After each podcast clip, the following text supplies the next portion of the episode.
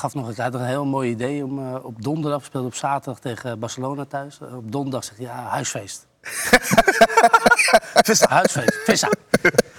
en ik had nog zoiets, ja, dat moet ik niet doen. Ik stond basis ook nog eens die wedstrijd. Nou, toch maar even vijf minuutjes eh Koekeloeren.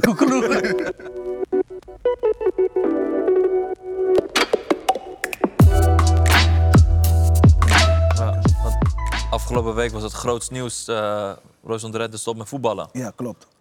Hoe, eh, je bent nu officieel gestopt, hoe voelt het? Ja, ik ben nu officieel gestopt. Ik moet zeggen dat eh, op het moment dat ik die dag naar huis ging, ehm, kreeg ik thuis wel meteen te horen van pa, je bent wel heel erg stil. Toen zei ik, nou, ik moet zeggen dat ik in de avond ben ik meestal toch stil. De tv staat aan, dan ben ik toch niet heel, heel aanwezig. Nee, maar nu ben je echt eh, heel stil. Dus blijkbaar was het, kregen ze me thuis wel meteen het gevoel. Toen zei ik, ja, misschien moet ik waarschijnlijk echt wennen dat het nu echt klaar is. Ongeacht ik nog op amateurgebied speelde. Ja. Maar je hebt natuurlijk altijd nog de gedachte, hé, maandag ga ik trainen, dinsdag ga ik trainen, Ja. donderdag ga ik trainen. En zaterdag ga ik een wedstrijd voetballen. En dat is nu helemaal weg. Ik moet zeggen, nu de loop der dagen gaat het goed. Natuurlijk gebeurt er wel heel veel om me heen. Ehm, dus ehm, het is wel eventjes wennen, maar eh, het is wat het is. Had je niet, eh, ik, ik had heel erg bijvoorbeeld, mijn vader en ik, wij hadden dan één droom. Dat was mijn, uiteindelijk mijn droom, maar ook zijn droom natuurlijk.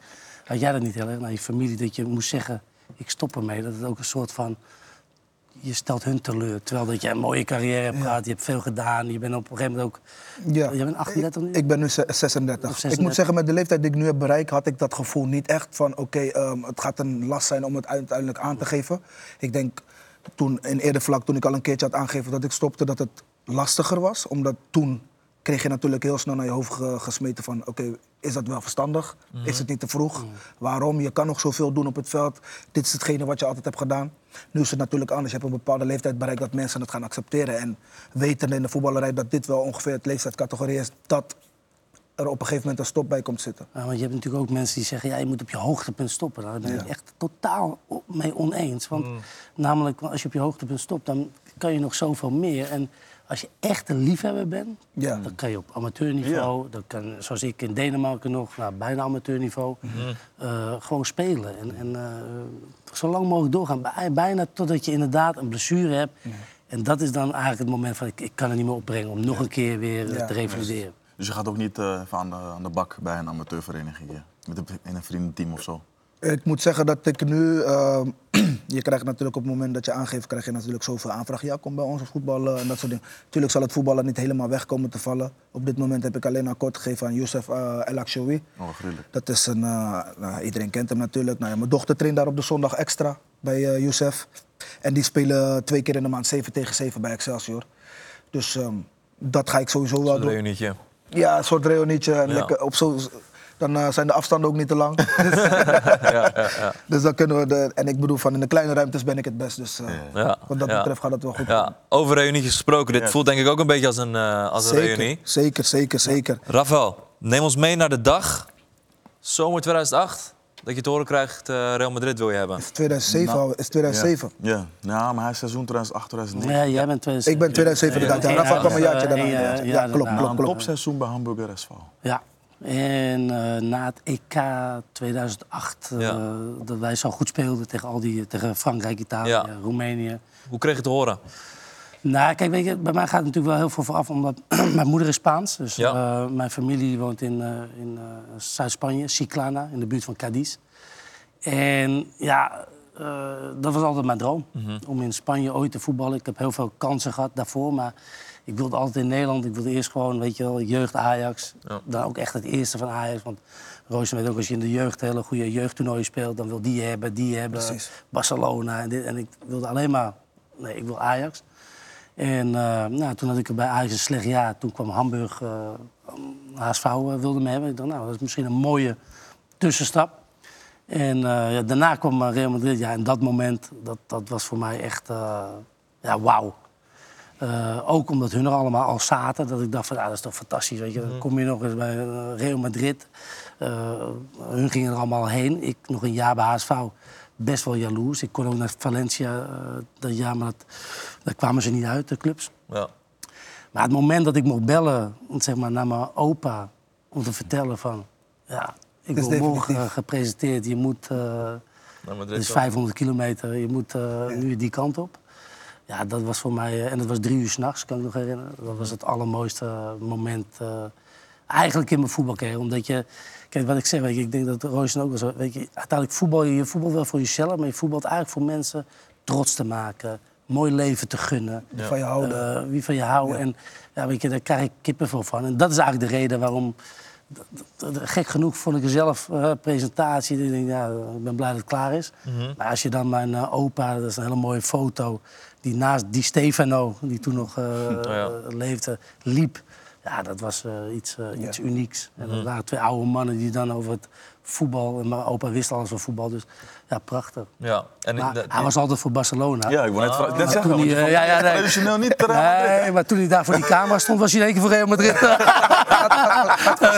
vanzelf. Dan ging ik heel snel. ja, Snel bekeerd. Ja. Maar, maar, je, maar je zei ook, eh, er zijn veel Nederlandse spelers die daar actief waren. Zag je dat niet als een gevaar, wil ik niet zeggen, maar van hé, hey, er zitten wel heel veel Nederlanders. Dat je dat ook...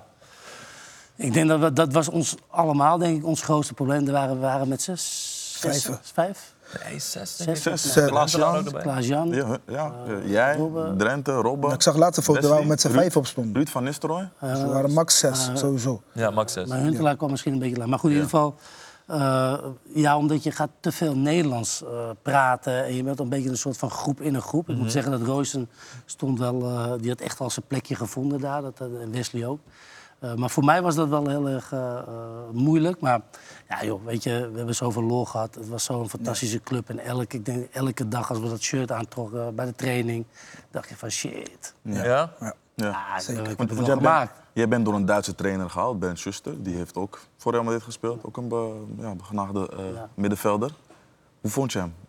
Nou ja, ik vond, hem, eh, ik vond hem geweldig, maar ook gewoon hoe relaxed hij was. Hij, was echt, eh, hij wist precies de juiste snaar te raken bij alle spelers. En eh, een hele lieve man. Kijk, en dan, dan, dan heb je Ja, dan niks over inhoudelijk. Soms Ja, iets te lief, inderdaad, omdat- Iets te lief, hè? Ja, een beetje onduits? Nee, weet je wat het ook is? Je had natuurlijk, wij kwamen natuurlijk in de periode dat je natuurlijk... Je had Guti, je had Raúl, je had Michel Salgado, je had Iker Casillas. Dat, die zaten er natuurlijk al heel lang, maar die hadden ook een beetje het overhand in zeg maar, wat er gebeurde rondom de club. En uiteindelijk zag je dat dat toch wel een bepaald soort impact had op zijn prestatie, zeg maar. Guti bijvoorbeeld, dat is voor mij, wat ik net al aangaf, dat is voor mij nog steeds de grootste waar ik ooit mee heb gevoetbald. Maar die had ook wel eens nare trekjes. Snap je? Op het moment dat hij wist dat hij niet ging spelen, dan wist iedereen dat. En dan liet hij dat Schuster ook weten, begrijp je? Maar dan liet hij dat ook weten op een manier dat wij dachten van... Hm, dit had je in Nederland niet hoeven doen bij een trainer, want dan lig je waarschijnlijk morgen eruit. Ja. Maar hij kon dat soort dingen gewoon binnen de club flikken. Nou, weet je wat zo grappig was? Wij op een gegeven moment eh, trainen.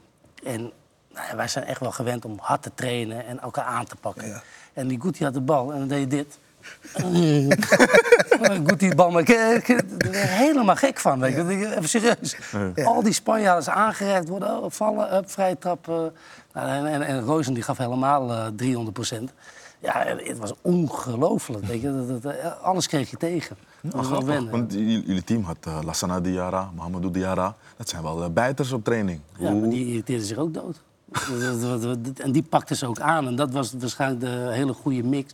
Eh eh Lassana Dira die kwam dan eh Op met later, mij. ja, die kwam met jou. want ik kwam toen hun net kampioen waren Ja. geworden. Daarvoor hadden we Pippe, Ja. Mahamadou Diarra. Dat waren ook zo- sowieso bijters hoor. Die gingen wel dwars door, dwars door gasten heen op de training. Zeker die Pippe. Die kon het verschil niet maken tussen training of wedstrijd. Of... Maar ja, dat is, ik, ik heb niet anders gezien bijvoorbeeld in Nederland. Bijvoorbeeld toen ik net bij Feyenoord kwam in het eerste, was dat de manier van trainen. Tuurlijk hield rekening met elkaar tot, een, tot op een bepaalde hoogte, maar we, waren, we, we trainen tot op het bot. Ja? En dat veld toen de tijd, wat we, zeg maar op het, waar, waar nu de parkeerplaats is van Voor de Kuip, ja. Ja. dat was een veld, daar kon je niet met vaste noppen trainen. Het veld was zo nattig, goed gras. Je moest sowieso met pinnen trainen, anders bleef je niet staan. En ik was sowieso al een type die heel erg explosief was. Dus. En dat ging, eh, ging Jij was, dat- jij was dat Hard gewoon tegen gewend. Ja, ik was dat gewoon gewend inderdaad. Ja. Ja. Hoe kijk jij naar toen opeens een hele groep Nederlanders naar Real Madrid eh, kwam? Ja, ik, ehm, ik werd natuurlijk samen gepresenteerd met Wes. Ruud zat er natuurlijk al. Ja. Ehm, ja, ik heb het gewoon eh, ge- geleefd als iets wat ehm, waarschijnlijk voor ons geschreven was. Ja. Dit moest gewoon zo zijn. Ja. Dit is wat voor ons is weggelegd. En ja, we moeten er gewoon optimaal van genieten. Ik heb nooit echt erbij stilgestaan van... hé, hey, we, zitten- we zijn hier met te veel Nederlanders nu. Dit gaat eventueel tegen ons werken. Mensen gaan denken van... hé, hey, die Hollanders maken er een beetje een potje van. Ik was Ja. gewoon happy. Begrijp je? Super happy. En uiteindelijk die besef natuurlijk voor mij, ik was waarschijnlijk te jong om echt die besef, besef te hebben van vriend. Weet jij wel waar jij zit? Weet jij wel wat jij nu aan het leven bent? Begrijp je? Ik leefde gewoon. Ja. Begrijp je? Om het feit dat, ja, dit was, voor, dit, dit, dit, dit was hetgene wat op dat moment daar voor mij was. En tuurlijk, soms ga je dan een beetje, val je een beetje buiten de mand. Of je, gaat een, je bent aan het kleuren buiten de lijnen. Maar ja, ik gaf daar niet zo, zo heel veel om. Ik was gewoon, ehm, op het moment dat ik mocht spelen, ja, dan probeer ik dat zo goed mogelijk te doen. Maar ik leefde gewoon eh, de lijf Real Madrid. Ja. Ik moet wel lachen. De presentatie van, eh, van, van, van jou. Ik denk dat dat Wesley's eh, mo- moeilijkste voetbalmoment was. dat als je gepresenteerd wordt met Rooster, dan, moet je, dan kom je het veld op en dan moet je trucjes gaan doen. Oh ja. En Rooster was net eh Tiki Taka Tousani. eh, en, en ik en Wesley, ja, wij, wij, ja, we kunnen nog een hele goede bal aannemen en, en pasen, maar trucjes, eh Ja. Homa. En eh, hij is... En je ziet Wesley zo... Wat verdikkie, weet je wel. En Wesley drie keer hoog houden en schoot die ballen tribune in één keer erin. Dat vond ik zo Ja, mooi. ik ja. voelde helemaal met Wesley mee. Ik werd gelukkig alleen gepresenteerd. Maar als je met hem moet, dan, dan heb je natuurlijk Ja, een, ja, eh, ja, een ja, zware.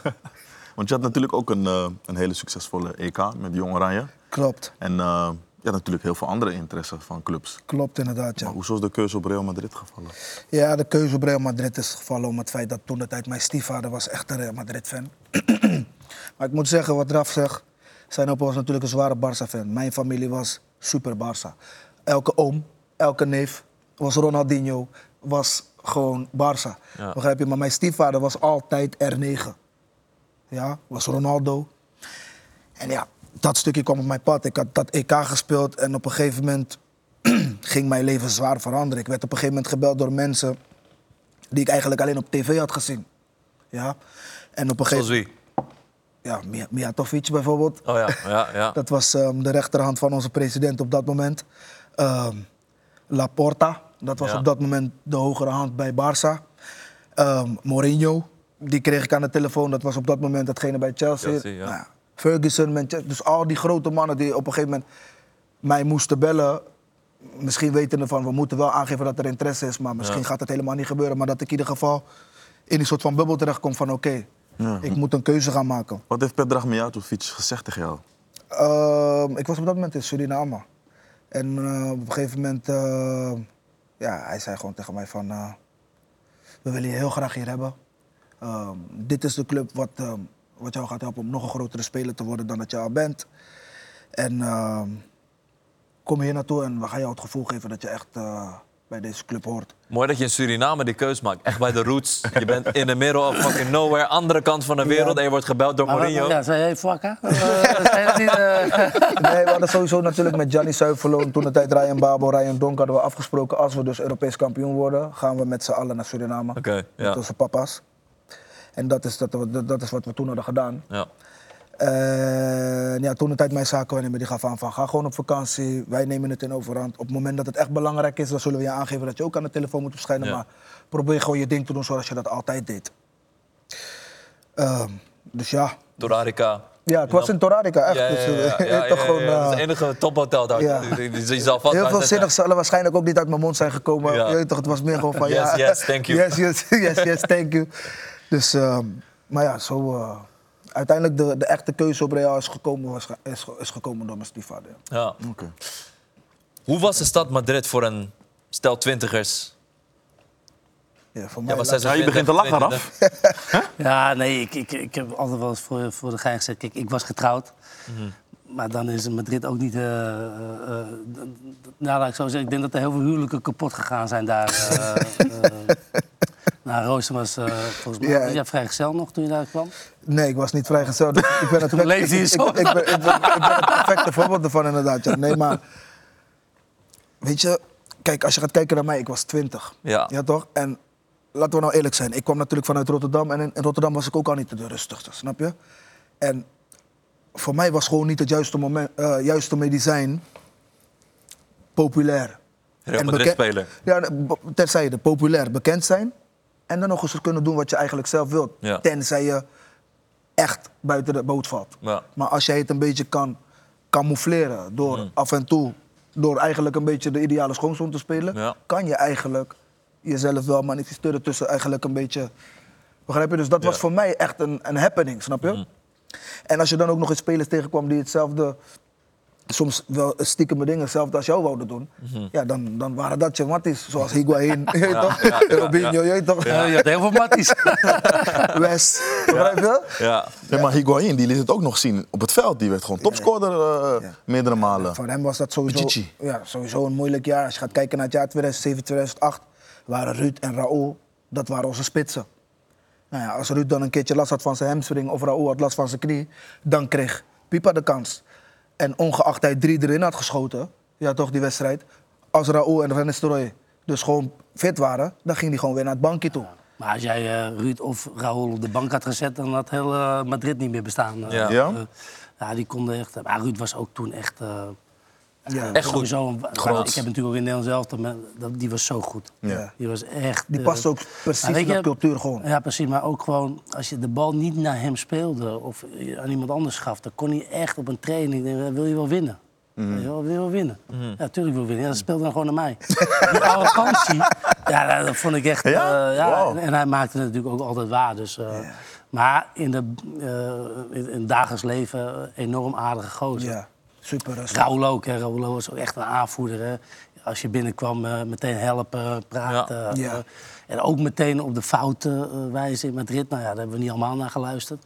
Want dat is gewoon... eh, kijk, als jij speler van Real Madrid bent... Je en dat is het moeilijke. eh, iedereen zegt, je moet blij- normaal blijven doen. Maar als jij bij Real speelt... en je mag elke dag het shirt aan... speelt voor club, 90.000 man... eh, ja, dan ga je... Dan moet je wel heel sterk in je schoenen staan om te zeggen... nou, eh, ik ben een beetje... Ja. En dat, dat, Ruud kon dat als geen ander, in alles. Hij was ook al wat ouder dan ons natuurlijk. Hè. Was een latere periode, had natuurlijk ook al een beetje die DNA, zat er al een jaar. Ja.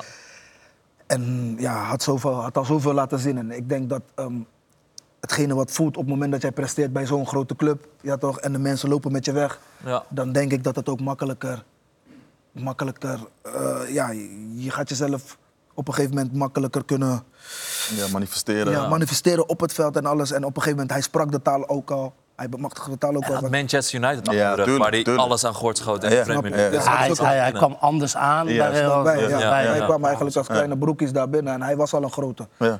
Is een beetje vergelijkbaar met toen Cristiano vanuit Manchester naar Ja. Real kwam. Want hoe reageerde de, de gevestigde orde van Real Madrid op de komst van zoveel Nederlanders? Ontstonden er verschillende soorten kampen? Want jullie kwamen op een gegeven moment, waren jullie met z'n zessen, zeven eh, bijna. En dan had je natuurlijk Raúl, Guti, Salgado, Iker Casillas, de gevestigde orde. Hoe voelden zij zich? Werden ze een beetje... Ja, ik heb persoonlijk daar nooit eigenlijk ehm, harde geluiden over gehoord van hey, die Hollanders eh, maken te veel herrie hier of zo. Ja, want jullie presteerden wel, maar op het begin was het niet een beetje Ja, van... nou, maar ik, kijk, hun, eh, hij was natuurlijk kampioen geworden. Ik, eh, Ja. ik niet. En ik kwam en ik merkte wel, Wesley zou meteen aan, als het misgaat, dan geven ze snel... eh, en dat is ook wel een beetje de Spaanse mentaliteit, moet ik zeggen. Dan, dan, dan schuiven ze toch, hè, dan gaan ze zoeken naar van wat gaat er nou eh, fout. Dus ik heb dat wel gemerkt. We werden een keertje uitgeschakeld tegen Alcocon. Oh ja, bekerwedstrijd inderdaad, ja. speelde ik eh, uit, eh, mocht ik een keer eh, opdraven spelen. Ja, dat klinkt een beetje gek, we verloren 4-0. 1-4. Maar ik speelde misschien Oh, 4-0? een van mijn... We hebben 4-0 verloren. Ja, ja, 4-0. Speelde ik misschien een van mijn betere wedstrijden. En toen, nou ja, er was natuurlijk één gedoe. ik kreeg de schuld en alles de schuld. En toen een week later gooide, hoe heet die, Pellegrini alle spitsen erin. Om nog, want het was twee wedstrijden, hè. het was niet een beker. Oh ja, eh, thuis Ja. toen scoorde ik, in de, ik viel in, scoorde ik in de laatste minuten 1-0. Moet je je voorstellen, je speelt tegen bijna amateurs. En dan weet je, met Real Madrid met 4-0, de CNN stond er, eh, BBC, alle grote tv-zenders eh, stonden bij de training en konden eigenlijk niet geloven wat er gebeurd was. En toen werden we uitgeschakeld. En dan merk je wel dat, dan krijg je als buitenlander wel uh, ja, de Zwarte Piet. Uh, Het, Nederlandse, het, zeggen, het, het, ja. het Nederlandse groepje werd zeg maar een soort van uh, aangewezen van ja, daar, daar ligt het probleem. Dat heb je wel een beetje gemerkt. Dat heb ik wel gemerkt. En als je naar de, naar de druk kijkt die bij Real Madrid lag om elke, elke keer te presteren, kan je, het, kan je het vergelijken met jouw tijd bij Hamburger SV? Toen was je de Nee. sterspeler, Nee, alles de, draaide om jou. ja, de druk bij Real uh, is echt iets. Uh, Ja. Ik denk bij geen één club uh, is dat zo ergens daar. Uh, ik heb wel eens, uh, had ik er twee in liggen. De bal die je daarna verspeelde, weet je, hoor je op de tribune. Ze floten niet, maar woe, weet je, dat, ze kunnen zo'n geluid maken daar in Spanje. Ja, ja. En het doet gewoon pijn, weet je. Woe, ja. ja, als ze dan 90 man dat doen, dan, dan voel je je natuurlijk zo klein. En dat heb ik wel uh, als... als uh, ja, maar het was ook... Je wil het. En je kan het. En uh, als je zoiets wil, dan moet je dat ook gewoon op de koop toenemen. En weet je, over lafvaarts is nog nooit wat geschreven. En ja, je ging gewoon het veld op, je had scheid en alles. Alleen ja, je kreeg wel eens een draai in je oren. Dat, eh, Ja, dat was gewoon Zeker, zeker. Ja, het is want echt... eh, Eerste seizoen was het zeg maar Ben Schuster en toen kwam op een gegeven moment Juan de Ramos. eh, werd- klopt. werd- werd- nee, die, kwam, die kwam als interim. Interim, ja. Dat komt omdat wij natuurlijk 2007 werden we kampioen. En ehm, seizoen 2008 begonnen we volgens mij met twee gelijke spellen. Nog een verliespartij. En waarschijnlijk nog een gelijkspel. En dat was eigenlijk... eh, Ja, dat was voor hun al een reden om hem Dat- te ontstaan dat- na, na een kampioenschap. En dat, dat, ik, ik weet, als je, nu, ik, als je nu teruggaat, dat was voor mij echt een klap in het gezicht, zeg maar. Want ik was niet heel erg gewend om nieuwe trainers te krijgen zo binnen no time. Ja, dus ja. dat was ook iets nieuws voor mij. Ja. Dat, de trainer was er die dag en ineens was hij weg. Dus ik moest Mhm. dat, dat was voor mij iets van, wow, dit gaat wel heel snel. Mhm. Snap je? We zijn vorig jaar kampioen geworden. Geef die Ja. man meer wat, wat, wat meer tijd. Maar ja. dat was er niet bij Real. Begrijp je? Toen kwam Gwande. Maar eigenlijk, ja, Gwande was er volgens mij een kleine ma- anderhalve maand tot maand. En toen kwam Pellegrini alweer. Hm, Ja. Ja, ja, ja, ja. Dat- ja. maar dat was ook in een tijd dat Barcelona begon ja, te domineren Ja, eigenlijk. maar dat, dat, dat, Dat was 2008, ja. Toen begonnen ze weer te domineren. Begon Echt te Ja, domineren. maar dat is het pech van het Nederlands voetbal geweest. Eh, voor ons eh, op dat moment bij Real, want dat was niet normaal hoe goed ze waren. En die speelden ook allemaal voor Spanje. En daarom hebben we 2010 uiteindelijk, eh, en ook 2008 wonnen hun. eh, dat was, die wa- we konden van iedereen winnen met Nederlands elftal, behalve van hun. En wij werden, in dat jaar dat ik dan eh, kwam, hadden voor mij iets van 90 punten gehaald. En ze hadden alle prijzen gewonnen. Ja. En hun hadden er steeds een paar meer. Ja. Moet je je Ja. voorstellen, we, we wonnen ook alles. Alleen die van Barcelona. En. Normaal zeg je, ja, we worden tegen de kleintjes kampioen. Maar dat was, tegen, ja, Ja, dat eh, was echt bizar. We verloren een keer 2-6 in Bernabeu. Ja. Van het kastje naar het muurtje gingen we met z'n allen. Ja, dan moet je nagaan. In 2007 wonnen we uit gewoon eh 1-4. hè. Ja. En toen eigenlijk was er eigenlijk geen veldje aan de lucht. Was natuurlijk eh, net elkaar, Ronaldinho was weggegaan en alles. Maar we hadden ze eigenlijk een beetje in de tang. Maar dat Ja. 2008 ging nergens over. Dat sloeg ook echt gewoon nergens op, zeg maar. Dat vaste middenveld, Iniesta, Xavi en dan dat Busquets erachter. En dan, je wist gewoon al van tevoren van... Of je moet dwars door ze heen. Ja. Ja toch, want op het moment dat hun op een gegeven moment Messi gingen vinden... dan was het ook gewoon van, oké, we gaan lopen Ja. we gaan lopen. En want dat jaar op een gegeven moment eh, we zijn we een keertje naar Camp Nou gegaan. En toen hadden we zoveel blessures dat op een gegeven moment Sergio Ramos speelde die wedstrijd linksback. Ja, Op Messi. Ik wou net tegen zeggen. Op Messi. Speelde Me- Eh, en, en, en ik krijg op een gegeven moment in minuut 27 krijg ik een 1 op 1 kans. Om mezelf onsterfelijk te maken. En Valdez pakt die bal. Oh ja, dat was, Ja. dat was de eerste El Clasico. Dat was Barcelona, Real Madrid.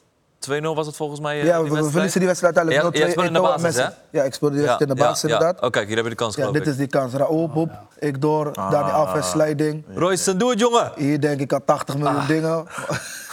Ja, moet ik hem toch stiften. Dus ik, Ja. ik doe me hier ook een beetje Arjen Robben eh Oh ja. WK-finale. Ja. Zwak ingeschoten ook hoor. Nou, Ja. Normaal gesproken... Zou je daar voorbij gaan? Ja, Ja. met jouw snelheid. Hup, hup. En, maar hier, gebe- ik kan je vertellen, hier gebeurde... op de bank, ik op, het moment dat Dani op, op het moment dat Dani Alves die slijding maakt, ging er zoveel door me heen. Want ik in besefte... dat korte eh, moment? Ja, want kijk, er is vaak aan mij gevraagd... Wat is, jouw, wat is jouw tegenstander waar je het meest van wakker hebt gelegen? En dat was Dani. Oh. Dani was die type guy waar ik wel een dag van wakker kon liggen. Ja. Ja. Ik speelde mijn allereerste wedstrijd tegen Dani. Dat was eh, Real Madrid thuis tegen Sevilla Ja. thuis. En toen, die wedstrijd speelde ik linksback, hij speelde rechtsback. Ja? Maar we kwamen elkaar zoveel tegen in die wedstrijd. En die guy was zo lastig. Op een gegeven moment dacht ik van... Hè, jij bent toch een back? Wat, wat doe jij altijd hier? Begrijp je? En het adviesje was dat hij die wedstrijd scoorde tegen ons. En hij trekt op een gegeven moment een, een, een kerst, ker- kersthoedje, een kerstmuts, uit zijn broek. En hij doet hem op. Daar zat ik naar te kijken van, kill, hij had mij daar op een gegeven moment. Ja, ja. Hij had mij daar vanaf, eigenlijk gedurende mijn gehele carrière. Maar ook die wedstrijd, hij was continu zo fel, zo fel, ook in die game. En ik kreeg op een gegeven moment die steek van Raoul. En ik besefte niet dat hij naar de grond ging. En op dat moment ging er zoveel door me heen dat ik niet eens meer wist wat voor keuze ik moet maken. Ja. Uiteindelijk, als je ziet hoe ik die bal inschiet, ik, Valdes hoeft eigenlijk niet heel veel te doen. Hij Ja. hoeft hem alleen te raken. Met, mijn- met, met mijn snelheid is het eigenlijk gewoon kijken, hup, de langs, half de langs, 1-0. 0-1, sorry. Ja. Maar als je er ook achteraf naar kijkt, dit, dit, dit is misschien wel het beste elftal aller tijden. Want die hebben echt Champions League, Supercup, Copa del Rey, La Liga, die hebben alles, alles gewonnen. Dat is gewonnen, ja. Dat je net die pech hebt dat je met als Real zijnde tegen het beste elftal aller tijden eh, te maken hebt. Ja, maar je moet er ook voor gewoon heel veel respect voor hebben. En, eh, je, je, je- eh, wij hebben het over, als we hierover kunnen klagen, dan hebben we het aardig gedaan in ons, Ja. eh, in ons leven. Maar die, die waren zo verschrikkelijk, als team, zo verschrikkelijk goed. Maar ik weet zeker, als jij Busquets op dat moment bij ons neer had gezet, ja, die was niet minder als, eh, wie hadden we toen? eh Xabi hadden toen de tijd- Xabi Alonso, Ja. Gago. Weet je, dat, eh, ja, die, die waren ook prima. Alleen dat Barcelona was zo'n team. En natuurlijk Iniesta, dat, dat is in mijn ogen de aller, aller, allerbeste middenvelder. Ja, daar, daar kon je druk op zetten. Daar Sloeg kon je nergens doen wat je wil. Maar dan draaiden ze weer weg. En daar je helemaal gek van. Wie stond je die wedstrijd? Op die wedstrijd stond ik op Dani Alves. Ik speelde Ja. links buiten die wedstrijd. Oké. Ja. Kan je trouwens nog herinneren dat, want ik viel in in deze wedstrijd, dat die, eh, hoe heet hij, die eh, jonge jongen, die heeft voor mij één keer gespeeld. En dat die speelde ook in die wedstrijd basis. Ehm, die rechtsbuiten, Palenka. Ja, Pa- heet die Palenka. Palenka? Ja. Palenka was het Ja, volgens die mij. komt op een gegeven moment door. En die kon hem op Nummer mij, 27 toch? op mij spelen. Die, dat moment hebben jullie waarschijnlijk niet. Maar, en die schoot op de keeper. Dat was nog iets voor, voor mij... Ja, die gewoon de rammen, die gewoon de rammen stelde hem op en rechtsbuiten, hè? Ja, rechtsbuiten. uit klopt. het niets. eh het is de enige wedstrijd voor mij geweest. Ja? Ik heb nooit meer wat van hem Ik heb El gehoord. Clasico. Ja, toen ging hij met Roosten op stap elke keer. Toen was het klaar. Ik heb eigenlijk ook helemaal nooit meer iets van hem gehoord. Maar die heeft eventjes bij het eerste gezeten, maar op het moment dat Pellegrini kwam, was het eigenlijk over voor hem. Ja. Het was de tijd dat Juan de Ramos hem eigenlijk bij het eerste haalde, inderdaad. Ja. Ja. Maar je zei eerder al dat Juan de Ramos niet lang de tijd heeft gehad. Waarom is hij ontslagen? Ja, maar omdat hij echt als interim kwam, toch? Letterlijk. Nou, hij was volgens mij eh, eh, in de winter eh, ging het mis. Toen kwam hij. En toen wonnen we geloof ik tien keer op rij, maar met, met 1-0. Nou, Echt super saai voetbal. Maar je won, dus dat was, prima. Alleen, ja, Real, alleen winnen met 1-0 Ja. tegen Getafe thuis of noem maar op. Of Osasuna, ja, daar nam niemand genoegen mee.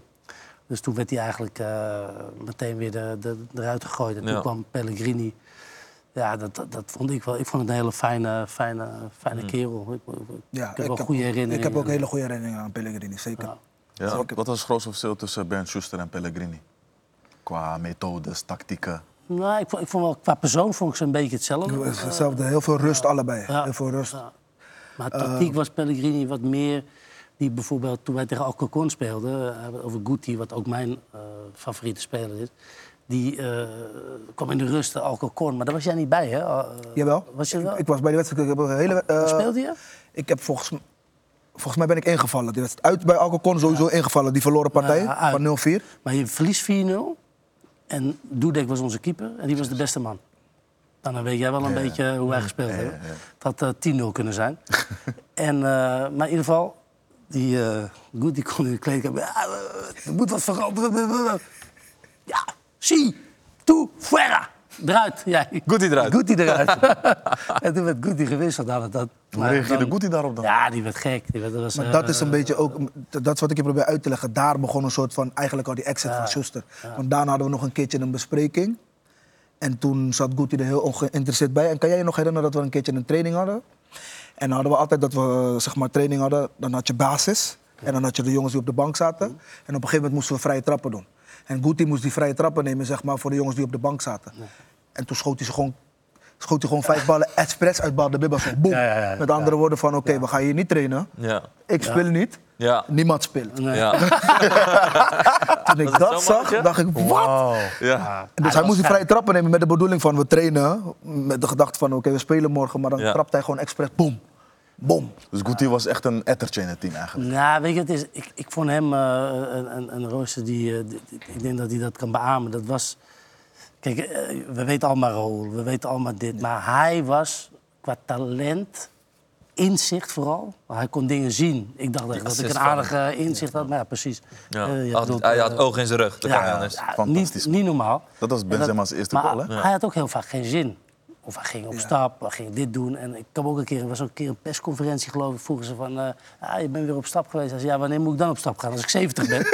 Eh, laat mij gewoon- ja. Maar hij kon het gewoon maken. Ja. Ja, hij had op een, ja, ha- had hij. Dat is flamboyant. Het is een flamboyant Je- je mannetje. kon het nu op aanrekenen. Kijk, uiteindelijk heb Real Madrid had het ook een beetje zelf gecreëerd. Het beestje zelf gecreëerd. Deze jongens komen uit de jeugd. Ja, hij was echt van de jeugd. zoals Raf, Ajax, ik, Feyenoord. Maar toch werden wij getep- eh, getemperd. Op het moment dat wij zeg maar, iets deden wat niet bij de club paste... dan kregen we dat ook te horen. Of waarschijnlijk was het exit. Maar deze jongens Maar Guti kon het maken. Precies. En doordat ze al die jaren eigenlijk alles konden maken, wouden ze eigenlijk op elke training daar binnenkwam en niet aan hun pijpen dansten, op hun hoofd gaan zitten. Ja. Hij was ook een beetje mijn, hij was ook, eh, mijn concurrent Ja. van Wesley, dit, dat. En ik maakte hem altijd zorgen. Als ik 's morgens binnenkwam, zag ik hem eh, af en toe, één keer, eh, twee keer per jaar zeg ik dan, zag ik hem eh, Jim doen. gym doen. En toen dacht ik, oh shit, nu heeft hij eh, twee goede weken. Dan, dan gaat, en als hij dat, dat deed, dan, dan speelde hij ook altijd fantastisch. En dan speelde hij weer fantastisch. dacht ik, nou, laat maar weer zitten. Echt eh, bizar, en. Dan deed hij weer niks. op voetballen, joh. Ja, zo'n goede voetbal. Je hebt uiteindelijk wel heel vaak in de basiself moeten, moeten vechten. Want naast Guti had je dus Wesley ook als concurrent. Gago was er. Op een gegeven moment was Kaka er. Ja. Weet je, hoe heb je jezelf kunnen manifesteren in zo'n zo'n Uh, sterrenelftal? nou ja, het hangt een beetje aan mijn kont dat ze allemaal zeggen van ik heb niet eh, daar eruit gehaald. Of tenminste, dat ik heel weinig gespeeld Nee, maar heb. dat is niet waar. hoor. absoluut niet waar. echt kans, kans, kans. Want op een gegeven moment die concurrentie was zo hoog. En uiteindelijk toen dat stukje kwam dat jullie zeg maar, werden geofferd. Op het moment dat eh, sorry, ehm, Florentino Perez de keuze maakte om dus Benzema, Kaka en Ronaldo naar de club te halen. Toen werden hun geofferd. Maar goed, toen moesten we dus apart trainen. Dat was wel een leuk verhaal. Eh, dan kom je terug van vakantie. Nou, dan denk je, nou, zin in, weet je wel. En, eh, toen werd eerst Huntelaar van, eh, jij moet apart trainen. Nou, wij een beetje, ha, ha, ha, niet leuk natuurlijk, maar een beetje van, nou, lekker. Nou, uiteindelijk liepen we er met z'n zes uh, voetvolley te spelen. we, moesten, allemaal... Dus ik, was, ik was de enigste die, die, Één die- één? groep nog Dus één bleef. voor één kreeg u het bericht van jongens. eh, Ja, één voor één. Het begon dit, dat, dat. En zelfs eh, eh, eh, Wesley en Ruud en eh, Ja. iedereen moest op een gegeven moment weg. Alleen, ik bleef toen, eh, omdat ik, eh, ja, ik dacht, ja, ik ben er pas een jaar, ik blijf gewoon. Ze hebben alles aan gedaan om me weg te, te krijgen. En toen de transferperiode voorbij was, heb ik een gesprek met Pellegrino. Hij zei, nou, als je gewoon doorgaat, dan eh, komen je kanswedstrijden. En toen heb ik, ge- heb ik getraind als een idioot. Echt geweldig. En toen heb ik onder hem mijn beste periode. Op een gegeven moment zat Kaka op de bank en ik speelde. Ik heb de klassieke, Classico gespeeld. En ja, dat gaf zo'n voldoening. Maar toen kwam Mourinho weer na dat jaar. en die zei, eh, ja, we gaan Eusie halen. eh, wat natuurlijk een geweldige speler is. eh, Je had steeds was. te maken met de beste aanvallende middenvelders van de wereld. Is ook logisch, maar toen dacht ik van ja, ik weet dat Tottenham wil hebben. Ik zei, ja, nu eh, zoek het uit, eh, ik ben weg. ja. En, eh, maar dat ik toen bleef, dat jaar heb ik eigenlijk nog heel veel gespeeld. want je zegt, want je zegt, ze hebben alles eraan gedaan om je soort van weg te pesten. Noem eens wat naast eh, apart trainen Geen nummer meer. Op een gegeven moment speelde Granero met 23. met 23. Nou ja, maar, prima, maar ik had geen nummer, dus ik mocht niet mee op trainingskamp. Dus je was gewoon thuis. Het leek me of ik geen werk had. Ik, ik, ik, eh, t- eh, kwam je op trainen, mocht je een uurtje... Zeiden ze, nou, gaan we rondjes lopen. Maar ja, op een gegeven moment, je hebt ook een ego natuurlijk. Ja. Een kwartier, dan zoek het uit. En dan zat ik weer thuis en, eh, en, en dat was het. Ja, weggepest. En het enige is van, eh, dat je weet, je krijgt lekker betaald. Dat is Eh, een van de ergste eh, dingen ook als voetballer zijn. Hè? Op het moment dat je eigenlijk... Dat is ook zeg maar een soort van altijd een soort van... Een ding wat ze eigenlijk altijd wel een beetje hebben aangehouden in de voetballerij. Oké, hoe gaan we het zover krijgen dat een speler op een gegeven moment zelf de keuze gaat maken Ja. om weg te gaan? Of zelf de keuze gaat maken om iets te doen dat wij kunnen zeggen van... hé, hey, dit kunnen we niet accepteren, ja. aju. Dus dat doen ze dan met Steeds dat. En- prikken, prikken, tot je het is een van de- reageert dan is een, is een van de pijnlijkste dingen als voetballer zijn. Om het feit dat dat trainen, daar halen we zoveel voldoening uit. Ongeacht je maar met 2,5 uur tot 2, 3 uur op het veld bent. Ja. Kijk, gym en dat soort dingen. Ik, ik ben dat pas op latere leeftijd gedaan, vanaf mijn 28. Maar wij kwamen, we hadden een gym van hier tot Ginter. Als je bij ons uit de kleedkamer liep op het trainingscomplex, als je die gym zag, die hadden we, dat, zou, dat zou nu nog wel erger zijn. Ja. Maar dat was voor ons toen al, dat, dat, dat sloeg nergens op. We hadden alles. We hadden alles in die gym. Maar ik kwam nooit in die gym. Tenzij we moesten. Af en toe hadden we op een gegeven moment eh, van die, eh, van, die, eh, ja, van, die, van die extra coaches die dan Ja. echt dat dingetje in de gym wouden doen. Maar wij, na de training, was het douchen, een beetje jacuzzi, eventjes verzorgen, wegwezen. Ja, ja. Even kijken wat er, eh, wat er te eten valt. naar Cheese toe of naar Asador. Ja, dat Trokken, eh, trokken jullie samen vaak op eh, buiten het veld als Nederlanders? Daar, ik, zat er net in het, ik zat er net aan te denken in de auto en daar wou ik zeker wel een momentje voor nemen. Misschien niet gepast. Er is vrijdag een, eh, een vriend van mij overleden wat echt super pijn in mijn hart doet. Ik voel het nu nog steeds. En ehm, ik zat er gewoon aan te denken, zeg maar... ehm Rafa is natuurlijk voor mij een persoon uit het oog, maar nooit uit het hart. Ik heb onbewust zoveel van hem geleerd, onbewust zoveel van Wes geleerd. Van Ruud, van Klaas. Maar ik denk dat we soms ehm, te weinig de keuze maken om even een appje te sturen van... Hey Pik, ik hou van jou. Ja. Ja. toch? Of hey Pik, onbewust heb ik zoveel van jou geleerd. Ja toch? Op verjaardagen, als je gaat kijken naar Jamaili, dat is mijn dochter, die is nu 15. Ik had toen een tijd een verjaardag, ze waren er allemaal. Ja, tante Helen kookte, eh, waren ze er allemaal. Als Ja. Raf jarig was of niet. Tante Helle. We hadden zeg maar samen een zo- zo'n united feeling, ondanks we niet elke dag met elkaar samen waren. Maar gewoon Ja. wat je zegt, we komen toch uit dezelfde cultuur. Geboren Ja. Nederlanders, weet je toch? Ja. En daarom wil ik wel gewoon Ja, eventjes... dat is eh super mooie woorden, maar ik wil wel ook, kijk, eh want het wordt een beetje klef allemaal hier, maar la- laat het even klef. Maar eh, ik heb wel gemerkt, gedurende mijn carrière moest ik heel vaak Royston verdedigen over eh, hoe die was en dit en dat en zo. Maar er is niemand die zo familiebewust is, eh, vriendbewust, eh, respectvol, eh, altijd u zeggen. eh, weet je, van die kleine Ja, dingen. ja, ja, ja. En nou, tante Helle ging koken, jongen. Er, stond een buffet. Nou, als ik daar nu, dan had ik nog drie keer zo geweest als ik nu ben. Maar dat is, we hadden zo een, een, een verschrikkelijk mooie tijd. En, en, en ik zag hem, en hij, precies wat hij zegt, ik zag hem bij Rondo zitten. Ik, zeg, ik, zeg, ik vond dat je dat zo goed deed. Mhm. Maar toen in één keer dacht ik, wat ben je ook van lul eigenlijk, weet je wel. Je moet toch veel vaker contact zoeken. Maar als je elkaar dan weer ziet, dan is het net of dat we weer terug zijn Ja, in, eh, precies, in, eh, precies. in Real Madrid. En ik snap het ook wel. Uiteindelijk is het live. En live Ja. is soms troebel. Je weet Ja. toch? En soms heb ik... En kijk, zeker ik als voetballer zijnde... dat je soms bij jezelf op de bank zit en dan denk je van... hé, hey, waar is die vriend eigenlijk? Of waar is die vriend eigenlijk?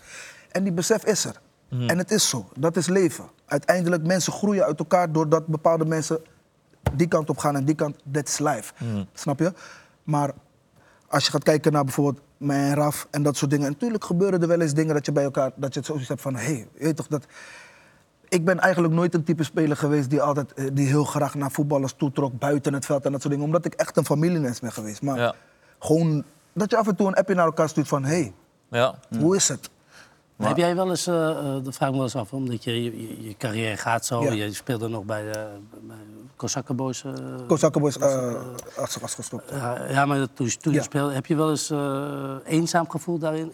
Of, of weet je, door, door, door mij of door Wesley? Of, weet je, dat je denkt van, jeetje, ja, weet je, nu zit ik hier en Misschien onbewust vroeger wel. was het, eh, ik, zou het dat zo? niet, ik kan dat niet zo bevestigen. Maar op het moment dat je natuurlijk bepaalde mensen ziet, dat, dat roept herinneringen, herinneringen op. Ja. Snap je? En ik weet wel gewoon dat ik aan jullie, als, jullie waren natuurlijk een stuk ouder dan mij, maar ik keek natuurlijk ook tegen jullie op. Behalve dat jullie van Ajax kwamen, ik kwam van Feyenoord. Maar voor mij, voor mij waren jullie gewoon bradas, Ja. broers. Ja. En misschien zei ik het dan niet, maar zo voelde het wel altijd voor mij.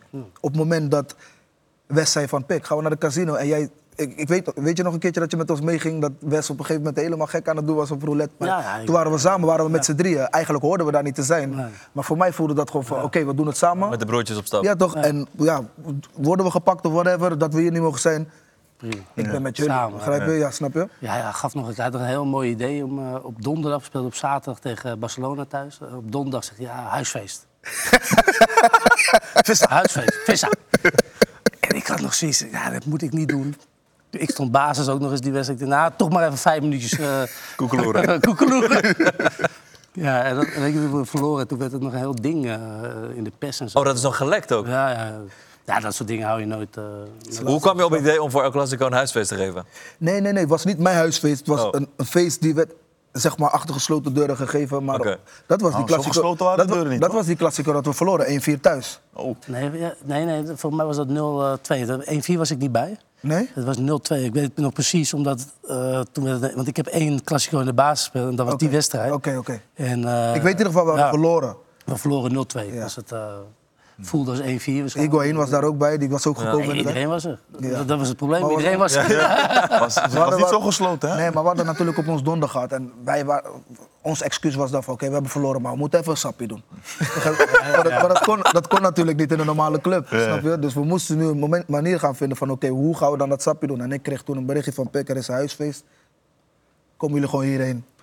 Niks aan het. Hier zijn jullie veilig. Ja, toch? Ja, ja, ja. Toch niet? Ja, we waren niet veilig, dat kan ik je wel vertellen. Er is altijd wel iemand die eventjes... eh, Ja. Ja. Als, jullie, als dan op de stoel van uh, Vos mogen zitten, welke plekjes in Madrid gingen jullie vaak? eh, bij restaurantjes, dingetjes? ja, toen de tijd. Geef ons een tour. Toen de tijd ehm, was de trend uh, Asador Donestera. Je had eh Cheese Tour, dat kregen we ook elke donderdag op de club, toch? Dat, Ja. Ja, dat, eh, dat je, echt zo'n Spaans restaurant. Die, eh, restaurant, Dat de ham, eh, weet je, ken dat ham, dat je, als je dat neemt, dat echt het vet. En dan zijn ze al, ja, dat zijn goede vetten, weet je wel. Maar ik, ik, ben, eh, ik ben er zo, echt niet normaal. Maar je bleef je van eten, dat smelt er gewoon weg in je, Tortilla en patatas en dat soort dingen. Dus dat was echt... eh, ja, Maar de gewoon- Buddha Bar was echt, dat was... Dat, was, dat, dat, dat, heet, Ja. dat, dat heet nu anders, dat heet nu Black House. Maar dat was, zeg maar, dat was onze tempel. om De hotspot, ja. Dat was de hotspot op dat moment. En dat was Heet het geen- Black House nu? Het heet nu Black House inderdaad. Door jou vernoemd. Kom maar, kom maar. Laat je hangen. Nee, maar dat Buddha Bar was op dat moment ehm, door de weeks. Wij speelden natuurlijk Champions League op dinsdag. Oh ja, En als we, dat, we wonnen in de meeste gevallen. Dus als wij dan hadden gewonnen, dan was iedereen Was naar een Buddha Bar. Ja, het was op de woensdag, op de donderdagen waren daar de beste dagen. En daar kwam alles. Daar kwamen de advocaten, daar kwamen de politieagenten, daar kwamen de voetballers. Atletico Madrid, Getafe, eh, Real Madrid. Dus alles zat daar. Maar, Je kon ook koken, of, eh, je, je kon daar ook gewoon om eh 1 uur eh, s'nachts en dan kon je nog eten. Zeg ja, maar dat, kon, dat, eh, konden wij, dat konden wij natuurlijk, omdat natuurlijk wij waren, zeg maar, die Real Madrid guys. Maar zoals, je hoort het al, Bar, dus je had allemaal van die gordijnen. En je kon het overal een beetje op jouw manier afsluiten. Dus als wij eigenlijk daar niet mochten zijn, dan hadden we natuurlijk die gasten, ja, toen de tijd Rafa. ook. Rafa van Rafa, van, kunnen we een plekje beneden eh, gesloten zorgen voor dat daar. Ja, ja, ja. En dan hadden wij gewoon ons feestje apart. Tenzij we natuurlijk eh, te diep in het glaasje hadden gekregen, dan moest je naar boven. Dan wou je toch zien wat er gebeurde daarboven. Ja. Ja, Waren jullie echt de gangmakers van de selectie? Of waren er meerdere gangmakers? de gekke, gekke gangmakers. Ja, Guti? Ja, iedereen was eigenlijk wel een beetje... Kijk, als je bijvoorbeeld... Dat vond ik het leuk, want je hebt, eh, ik heb Ramos nog gezien, Marcelo. Kijk, eh, als je eh, gezin krijgt, kinderen, je- er verandert zoveel. Ja, echt. en je, herkent mensen niet meer terug. Weet je wel? Ik bedoel, als je Ramos ziet, eh, nou, die, die, die, die was in de 70ste minuut, zat hij al aan, aan de Boeddha te denken. bij wijze van Altijd, altijd, hè? En eh Higuain hetzelfde, eh, Ra, of eh, Marcelo, die zijn zo natuurlijk zo serieus geworden. Net zoals, eh, ik denk, ja, ik, ik sowieso nu, maar jij ook. Ja, dat was echt gewoon, dat waren de jonge streken van een eh, jonge Ja. voetballer. Ja, je, zei, je zei net al dat je, dat je hem vaak in bescherming moest nemen, Royston. Dat is natuurlijk ook een stukje herkenbaarheid, want jij was natuurlijk ook een schoffie uit Heemskerk. Heb jij hem niet soort van kunnen behouden of behoeden van bepaalde keuzes of bepaalde momenten waarvan je denkt van, hm, Nee. laten we dat toch maar niet doen? Nee, omdat je, ik vind altijd, eh, je moet zelf je fouten maken en ook, ook van leren. Eh, Zolang je er maar van leert, eh, uiteindelijk. Alleen op dat moment eh, was ik ook natuurlijk niet eh, de oudste. Ik had wel eh, een vrouw en een gezin maar, en een kind, maar ik, had niet, ik kon hem niet nog leren. Want ik was zelf nog heel erg met mezelf bezig en jong en dit en dat. Alleen wat ik wel jammer vond aan, aan het zijn, dat is het enige wat ik wel, ook wel eens tegen hem gezegd heb. Kijk, Royston, die had nou, ik denk dat Roysen de aller linksback, de allerbeste linksback geweest is wie Nederland nooit gehad heeft. Als hij had gezegd, egootje eventjes eh, weg, straatvoetbal, ik moet mensen voor lul zetten, gewoon linksback, had hij tot vier jaar geleden nog steeds linksback eh, gespeeld. Omdat hij ging ook tegen Ronaldo. En dat vond hij leuk, want dat vond hij een uitdaging. Dat was de enige. Maar dat was op training. Dat weet je nog, hè? Ierland, hè? Ja. Weet je nog, die dat was het trainingskamp hadden we in Ja. Ierland. Ja, Toen zat- was Ronaldo Ja. net gekomen en die Pellegrini zette mij continu op Ronaldo. Ja. Maar dan vond ik het wel leuk om Ja, zeg dan maar, vindt hij het leuk, want dan had hij Ronaldo. Dat is Ronaldo. Nou, wie ben je dan? Nou, en, en die Ronaldo, die werd helemaal gek van hem. Weet je wel. Eh, En, en, en terecht, want hij, hij was snel, wendbaar. Ook Ja, hoe, technisch. hoe ga je, hem- ja, en technisch, hoe ga je hem voorbij komen? Dus die Ronaldo die, die ging op een gegeven moment linksbuiten lopen. Die, die, die wist helemaal niet meer wat hij, eh, wat moest doen. En eh, ik kan me nog herinneren dat jij speelde voor mij altijd Champions League. En Marcelo speelde Altijd competitie. competitie. Op een gegeven moment gingen we eventjes om en om spelen... totdat ze vanaf bovenaf zeiden van Pellegrini, je moet nu wel een keuze gaan maken. Maar we kregen- Ook omdat jij zei van, eh, ik ben linksbuiten. Ja, dat heeft sowieso ook een, een grote rol gespeeld natuurlijk. Maar die peri- periode van Pellegrini, waar hij mij en Marcelo op een gegeven moment naar zijn kantoor riep. En op een gegeven moment aangaf gewoon eigenlijk... We waren natuurlijk nog jong, dus dat was makkelijk. Als ik bijvoorbeeld al 26 was geweest, zou ik op een gegeven moment... had ik waarschijnlijk tegen de trainer gezegd van... ehm, ja, hoe is het? Ga je gewoon een keuze maken wie speelt en wie speelt er Ja. niet? Maar hij zei dus gewoon letterlijk tegen ons van... Op dit moment zitten jullie op dezelfde lijn, de voorbereiding. Marcelo raakte een beetje geblesseerd en ik speelde alles, maar ik had echt een goede voorbereiding en hij gaf aan. Ik kan nog geen keuze maken, dus er is een- deze periode gaan jullie om en om spelen. Dus toen gaf hij aan, Champions League speel jij Roy, competitie speelt Marcelo. En Copa del Rey? Ja, dat ging ook om en om en alles. Maar op een gegeven moment, ze keken naar... Speelde ik. Toen mocht ik opdraven. Ze kregen het op een gegeven moment kijken vanaf bovenaf van ja, wat is dit nou voor raars? Ja. Om en om, Drenthe, Marcelo, Drenthe, Marcelo, Drenthe, Mar Begrijp je? En waarschijnlijk werd Pellegrini op een dag ook wakker van... En toen op een gegeven moment was het natuurlijk makkelijk. Ik had natuurlijk ook bepaalde uitspraken gemaakt van ja, ik kan ook linksbuiten spelen, rechtsbuiten, dit, dat. Maar voor mij wil, had je gezegd. Ja, kan, kan. Wellicht. Maar, maar heb je daar wel spijt van gehad? Eh, denk wat ik net zei, denk je dat dat waar is? Eh, Als je nu naar alle linksback kijkt. Ja, als je, gaat kijken, als je gaat hadden. kijken, als je een bepaalde focus legt op één ding, denk ik dat ik, ehm, denk ik dat je zeer zeker gelijk hebt. Maar als je gaat kijken dat ik dan mezelf dan ehm, niet tekort deed op het moment dat ik zeg maar verhuurd werd vanuit Madrid aan Hercules. Daar die trainer ging me gelijk gebruiken als links-rechts links, rechts buiten. En toen kwam ik gelijk weer in een soort van bloei. Dat was ook het moment dat ik weer werd op, dat ik voor het eerst werd opgeroepen voor het Nederlands elftal. Begrijp je dus? Maar dat dan was kijken ook heel een veel soort- mensen. Hè? En, en je, je kan linksback worden van Real Madrid. Ja. En van het Nederlands zelf. Nee, nee, daar, nee, had. nee, daar heb je zeker gelijk in. Als je daarvoor had gekozen, ja. Maar het is hetzelfde als bijvoorbeeld, ehm, was, ik, ehm, was, ik, was ik capabel om zodanig ehm, al te luisteren naar de goede, de, de, de, de, de, de, de goede, ja, gewoon de goede, goede duidelijke dingen van, oké, dit is de manier hoe jij groot gaat worden en hoe je, zeg maar, op lange termijn nog steeds hier gaat voetballen. Ik was dat totaal niet mee plezier bezig. ook belangrijk. Ja, blijkbaar belangrijker als, eh, Nee, je wilde In de zin van, je vindt linksbuiten zijn leuker dan linksback zijn dan op dat moment. ja, dat, Ja. dat, dat 100%. En als we ook achteraf kijken, ik bedoel, we hadden het net over concurrentie. Marcelo, als je kijkt, die heeft net met Fluminense de... Ja, de- Copa Libertadores gewonnen. ja, dat is ook, die heeft ook een Het is geen carrière schande, gehad van hier tot Het is Tokio. geen schande. Ja, nee, maar maar geloof me, de concurrentiestrijd ja. was anders. Maar Want toen ik binnen... Ik ga voor jou praten als het mag. dat nee, maar mag er, zeker. nee, maar er Ja. gebeuren het dingen. Nee, maar, nee, maar ik denk dat Marcelo aan hem eh, een hele grote carrière te danken heeft dat hij zoveel bij Real eh, speelde. Want het, echt geloof Het me, kon net zo goed het was, het was dit. Het was echt dit. Het was niet een heel groot verschil. Alleen hij wilde gewoon linksbuiten zijn. Punt. Want hij wilde scharen maken en iedereen door de benen spelen. En, alleen ja, Ronaldo was net gehaald. Eh, ja, dat, dat, dat werd een beetje lastig. Ja. Dus, dus weet je, dingen gebeuren ook in de carrière. En, en dat denk ik een beetje wat jij ook... eh, Ja. Maar Marcelo, waanzinnig natuurlijk. Ja, Op natuurlijk. Die leeftijd ja, zeker, nog, eh, zeker, zeker. Nee, maar kan je nog de, de, de periode herinneren dat Juan de kwam? Toen Juan de Ramos kwam, het eerste wat hij deed... Ik weet nog, we speelden een uitwedstrijd en toen, toen zat Marcelo naast Pepe. En toen deed, Ja. toen deed hij dit bij eh, Marcelo. Te dik, ja. te dik.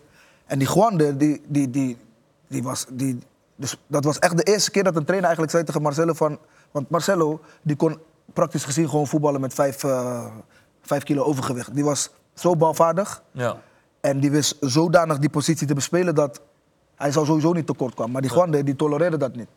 Dus, dus die Marcelo moest dag in dag uit mee, meten, wegen. Dat, dus dat ging tegen hem werken. Mijn vetpercentage goed eh, trouwens, of niet? Ik denk het wel. Ik denk, het wel. ik denk dat je beter Je, dan je wij toch bent op dit ik begon te twijfelen Ik op. ben blij dat ik niet naast hem zit. dan- Ja, ik heb vandaag een training gehad, jongen. Oef. Ja, dus dat doe je nog wel, hè? Fit blijven. Altijd, dat- Royston? dat is een Altijd, van ook mijn- in de is- is jaren van dat mijn hij stopte? is Een van mijn grootste uitlaatkleppen, man. Altijd in de gym. Op een of andere manier is dat een ding dat... ehm, ik ben eh, een keertje ben ik bijna 96 kilo geweest. En ja, dat, heeft, dat, dat, dat, dat, dat, dat, dat ging echt bij mij eh, to- tollen op een gegeven moment. Maar ik merk ook gewoon dat ik op een bepaalde manier... En natuurlijk, ik train niet elke dag op dezelfde manier of whatever. Maar ik merk dat ik gewoon voor mezelf... Dat is iets wat mij gewoon staande houdt. Heb je dan wel eens bij een workout, dat zij helemaal bezweet voor die spiegel, dat je denkt van... Kappen nou eens gewoon even mee een keertje. toch? Nee, nee, nee, nee. Dat je in de spiegel... Als, waarom, waarom doe ik dit nu pas en niet tien jaar terug? Oh, zo. Ehm, nee, tien jaar terug. Talent was, talent was goed, goed. Ik had het niet nodig, man. Ik zeg. Dat was genoeg. Ik zeg je Ik sta nu, ik Ik sta nu ook in de gym, weet je. En ik, eh, ik sta soms in de spiegel te kijken van... Ik ben me nu helemaal de schompers aan het trainen. Ja. Voor wat? Voor wat? Uiteindelijk, ja, om een beetje goed uit te zien. Maar weet je, ook waarschijnlijk in mijn voetbalcarrière... dat ik dacht van, hé, hey, als ik al deze arbeid, die workouts en die waar. dingen... En, Ik vind en, dat je gelijk hebt, want ik, ik, ik heb altijd een gym gehaat, nog steeds. en als ik het nu zou doen, zou ik precies zeggen wat jij nu denkt. Ja. Serieus. Toen kon ik er heel veel geld mee verdienen. En Toen deed ik het niet. Zou- ik er wat aan hebben. En moet ik nu eh, op Instagram een mooi lichaam hebben? Ja. Eh, nou, het is wel zo. Je moet, ik, ik, ik padel dan veel. Mhm. Dat houdt mij dan een beetje fit, maar in de zin... Ik wacht op een uitnodiging, hè, want eh, uiteindelijk wil ik wel een potje tegen. Ik zie je overal voorbij komen, Ronald Koeman, dit, dat. Mij moet je uitnodigen. Ja, maar nee, nee. Royston echt... Ik, Ben jij zo goed? Nee, maar in de zin van de basis is er sowieso, want we komen vanuit nee, Spanje. Ik kan, ik kan goed spelen. Oké, oké, oké. ik denk, je moet eerst Maar ik ben echt fanatiek. spelen. Ik ben Ja, echt fanatiek. Is, is, is Robben echt zo goed? Je kan niet door die wand heen lopen. Hè? Ja? Nee, ik- Is Robben echt zo Weet je waarom Robben En zo goed is? Hij is linkshandig. Dat hadden we al met tafeltennis. Ja, Wij speelden heel veel tegen elkaar Ik ben rechtshandig, hè? Nee, maar ik ben ook rechtshandig. Maar ik bedoel te zeggen, toen de tijd speelden we toch heel veel pingpong. En Robben is linkshandig. Linkshandig, linksbenig. Dus voor hem was het natuurlijk... Hij kon ons natuurlijk altijd de das onder. Waarschijnlijk is dat met, Maar die eh, met. Padello. Dus, eh, ik denk dat hun, eh, wij met z'n drieën, zijn wel eh, ja, Niveau. prima niveau. ik. Oké, Ik, oké. ik wil jullie even meenemen naar waar je het eigenlijk net al een beetje over had, over de zomer van eh 2009, 2010. Dat eh, Florentino Perez wordt president. Jullie zijn met de Nederlandse enclave daar. En eh, de ene na de andere aankoop wordt gedaan. Eh, dat is even slikken, denk ik. Ook als je op een gegeven moment merkt dat de Nederlandse groep een beetje... Inderdaad, Huntra gaat weg. Van is, hoe, hoe viel dat in de groep? Nou, Ik kan me herinneren, ik was op vakantie in, eh, in Zuid-Spanje en eh, eh, die kwamen allemaal. En het was voor mij eerst, Wesley was gebeld, die moet weg en die. En, en langs, maar mijn telefoon bleef gelukkig Ja. uit. Maar totdat ik bij de club kwam, ik dacht, nou, de- die Pellegrini ziet waarschijnlijk in me zitten. Ja. Nou, dat was ook snel. eh, toen zeiden ze van, nou, eh, ga jij daar maar trainen. En, en, en, ja, dat, dus dat, ja, dat was wel best wel apart hoor. Want je, ik had gewoon een vijf jaar contract. Eh je Ja. had voor mij ook nog iets van drie jaar of zo. eh, Ja, ik had nog vier- drie jaar. Ja. Dat jaar hoefde ik dan nog niet. Dat kwam het jaar daarna toen Mourinho kwam. Maar ik kwam dus dan niet Gek in de dat, club. hè? ik, ken het, maar mijn, mijn, mijn, mijn vrienden die werden allemaal opgeroepen. Want ik weet nog dat we op een gegeven moment uitspeelden bij Bayern München. En Robben scoort nog een volley. Maar voor die wedstrijd van Bayern München, die oefenwedstrijd, kregen hun al een soort van tussen de neus en lippen door te horen dat dat ging gebeuren. Eh, Arjan en Wes en, en Rafa dus. En op een gegeven moment. Huntelaar mocht helemaal niet mee. Nee, maar Huntelaar mocht helemaal niet mee inderdaad.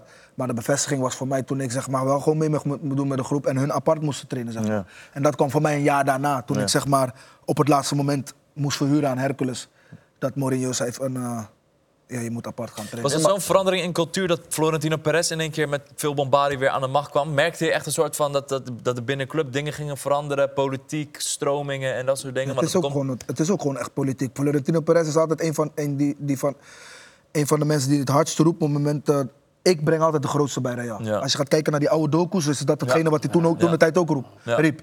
Figo en dat soort dingen. En dat Ja. was eigenlijk een beetje het, eh, hetgene wat gebeurde. Cristiano Ronaldo was op dat moment de grootste. Ja. Die moest hij sowieso binnen de club halen. Ja. Kaka was nog een hele grote naam, had heel veel goede dingen gedaan. Dus hij dacht, ik moet gewoon een pakketje maken met drie spelers. Ja? Maakt niet uit wie ervoor ge- opgeofferd moet worden. Maakt niet uit hoe ze gepresteerd hebben de jaren hiervoor bij de club. Dat is wat gaat gebeuren. En dat Mhm. is waar hun de dupe van Maar waren. als jullie, jullie, jullie eh, die documentaires hebben gezien, dan Ja, Tuurlijk, ja, ja, ja. Wat, wat, wat, hadden jullie voor gevoel daarbij? Want wij hebben er gezeten. Iedereen wil toch voor die club spelen? Ja, Ja, sowieso. sowieso. Maar mijn eerste gevoel is dat het natuurlijk inderdaad om voetbalpolitiek gaat. Elke president die, die moet natuurlijk beloftes maken aan alle, alle, alle leden van, eh, van, van, van zo'n club.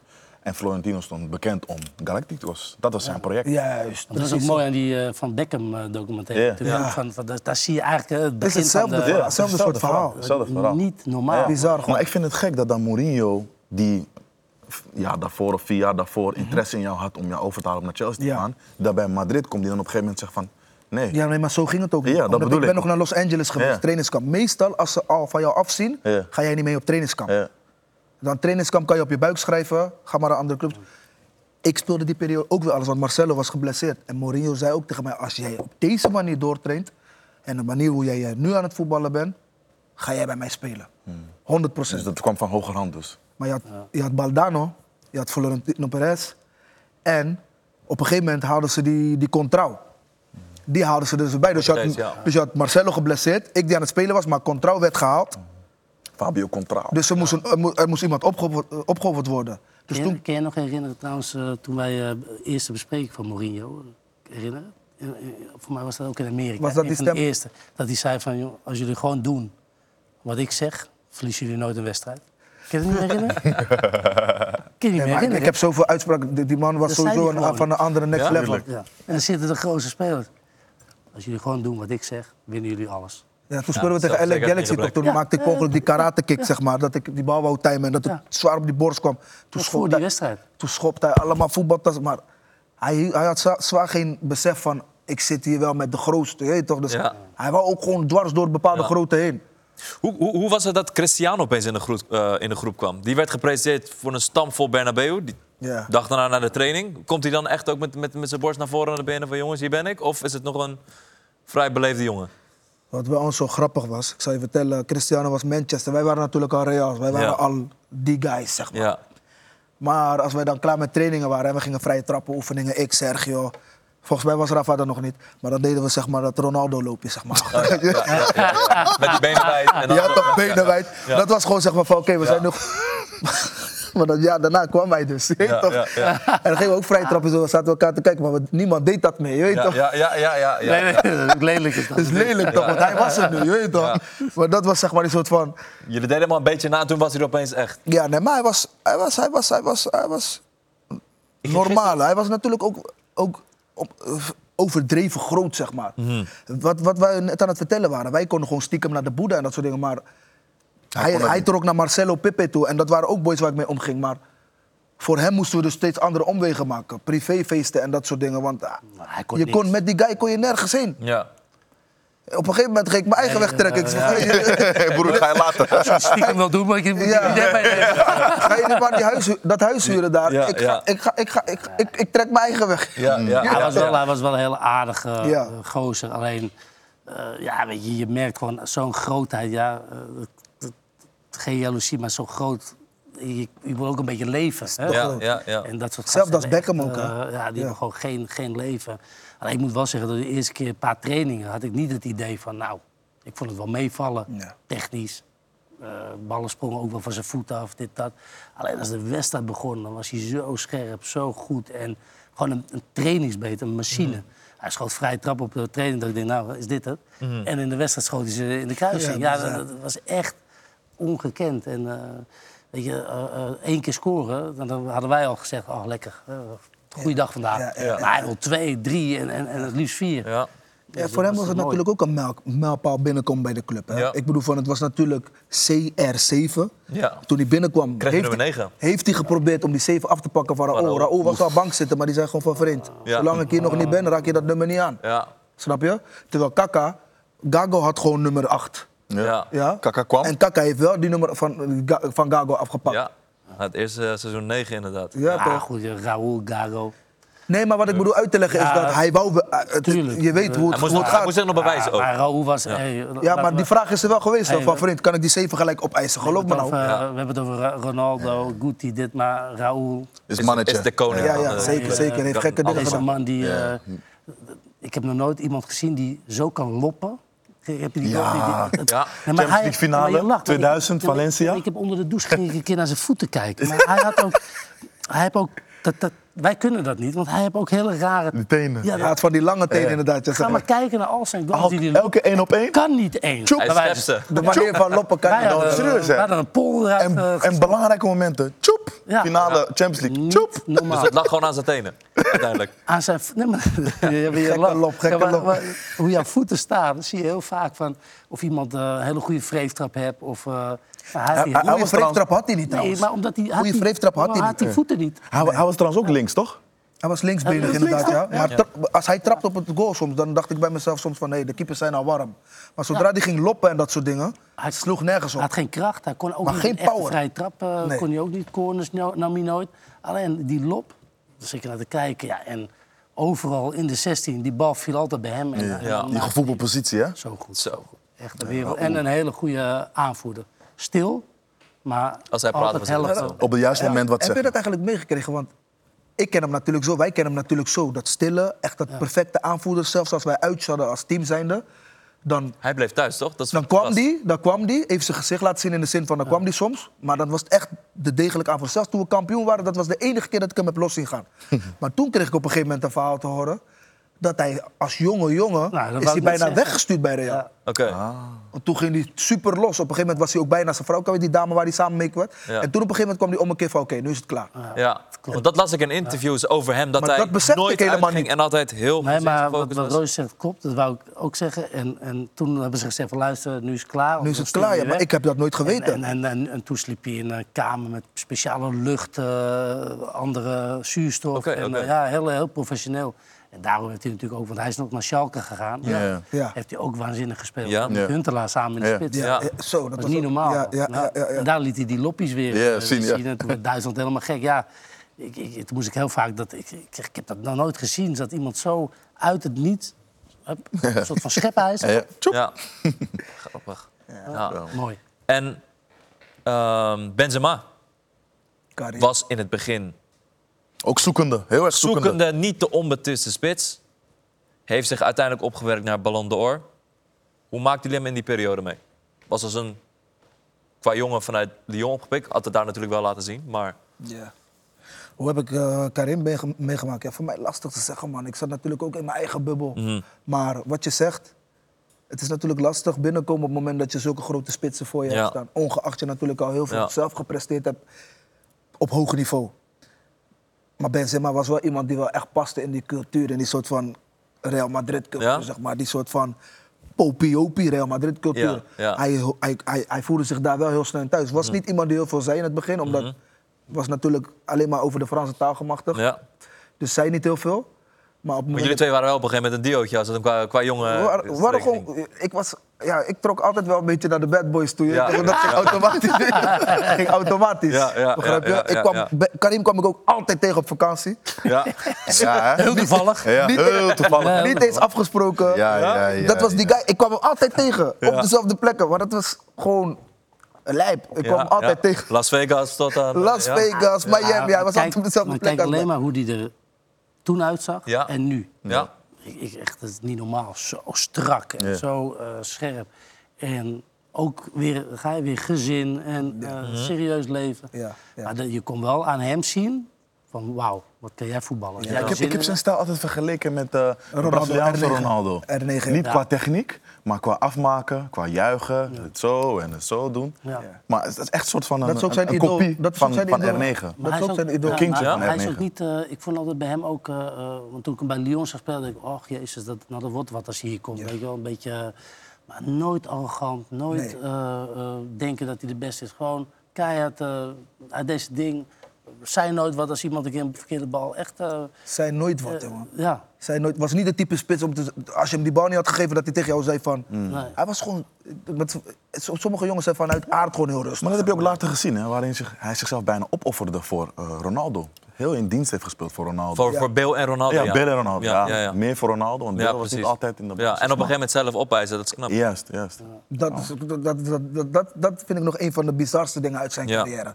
Want wat jij zegt, jezelf, hij, op, hij zal het waarschijnlijk nooit zo uit zijn mond laten Maar komen. dat zagen we allemaal. Maar iedereen zag dat. En Ja. dan gaan ze weg. En dan, oké, van nu is mijn moment, nu ga ik hem pakken ook. Ja.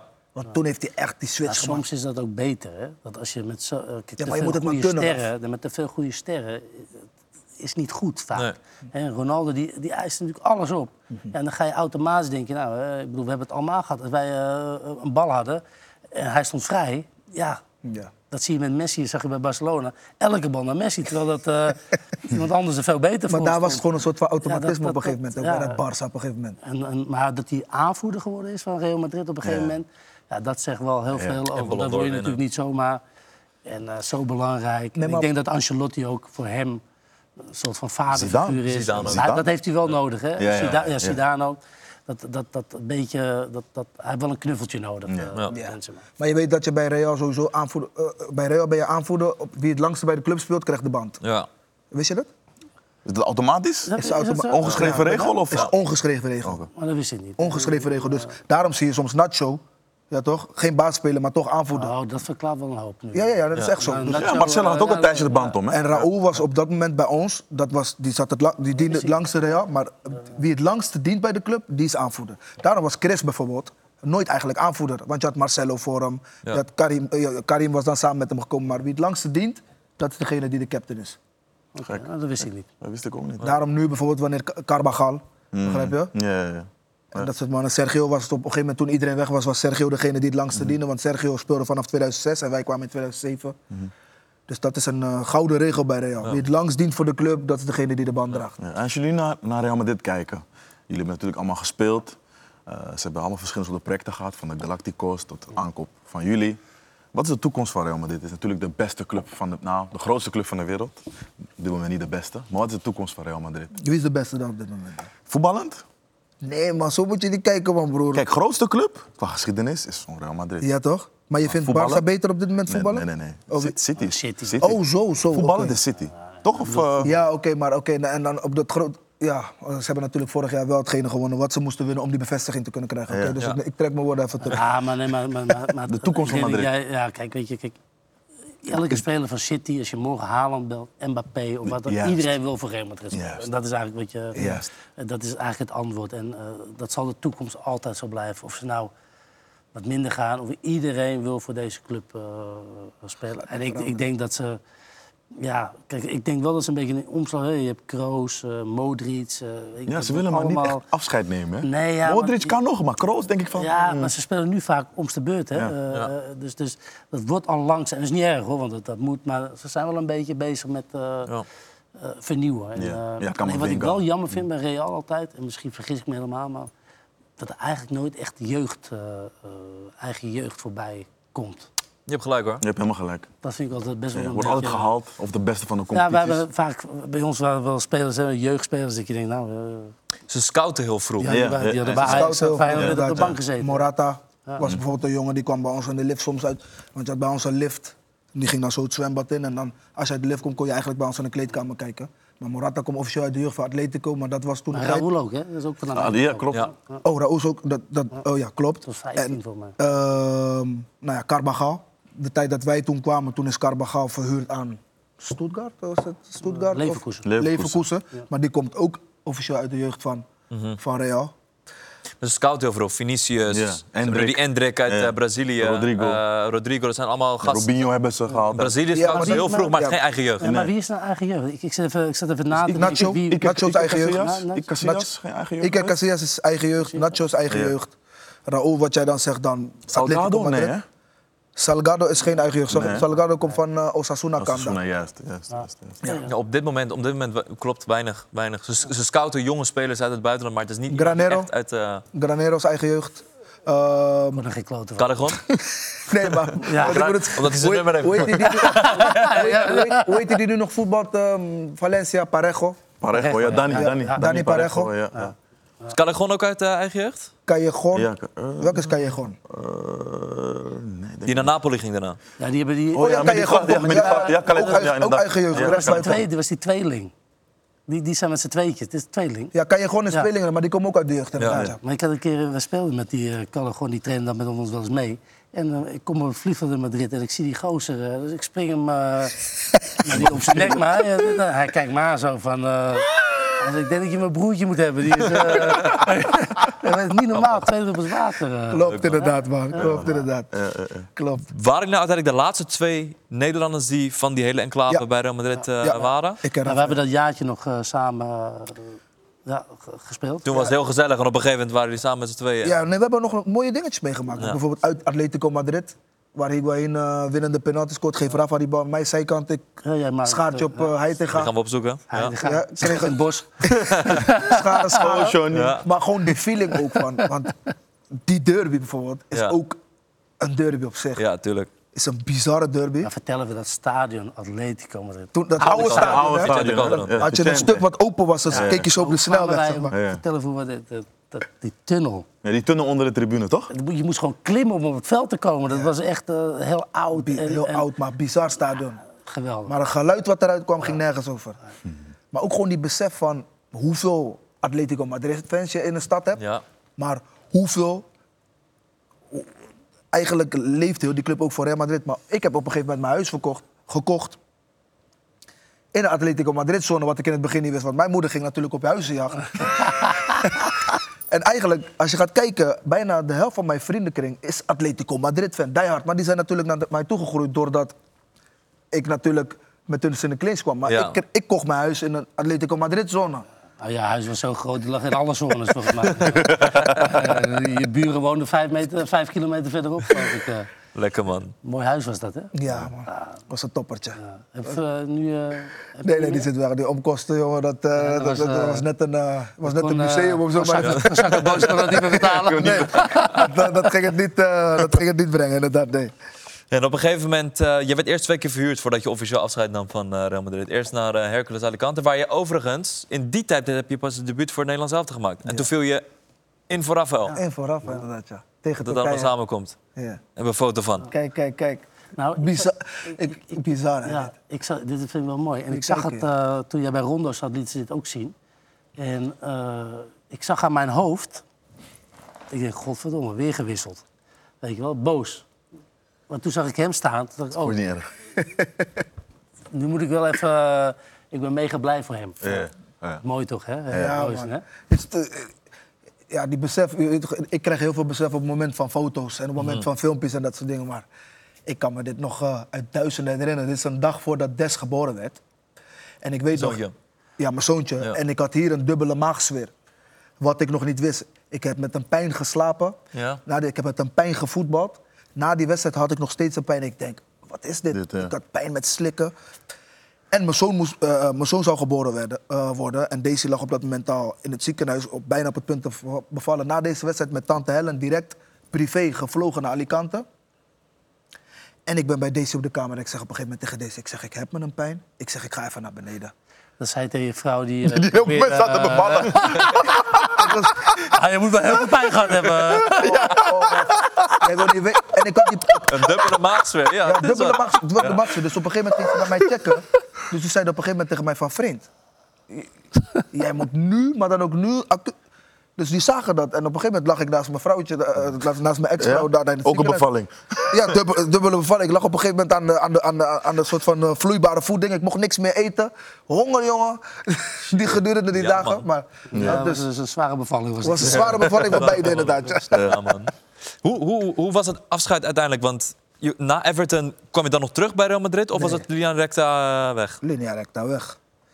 Dat is voetbal. IJskoud eigenlijk. IJskoud. Ja. IJskoud. Ja, bizar, hè? Ja, ijskoud. En dat was het avontuur Dat was mijn avontuur, ja. Real Madrid afgelopen. Hoe ging dat, eh, hoe ging het bij jou, eh Raf? Want jij zei, je had twee seizoenen erop zitten... en een uur voordat de eerste wedstrijd werd gespeeld... kreeg het horen, je zit niet bij de selectie.